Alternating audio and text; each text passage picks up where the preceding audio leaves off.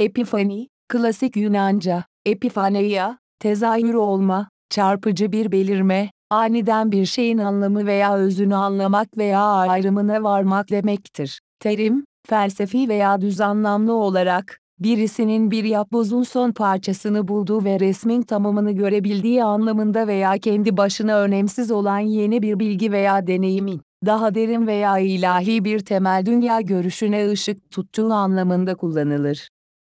Veri. Ses, Veri ses.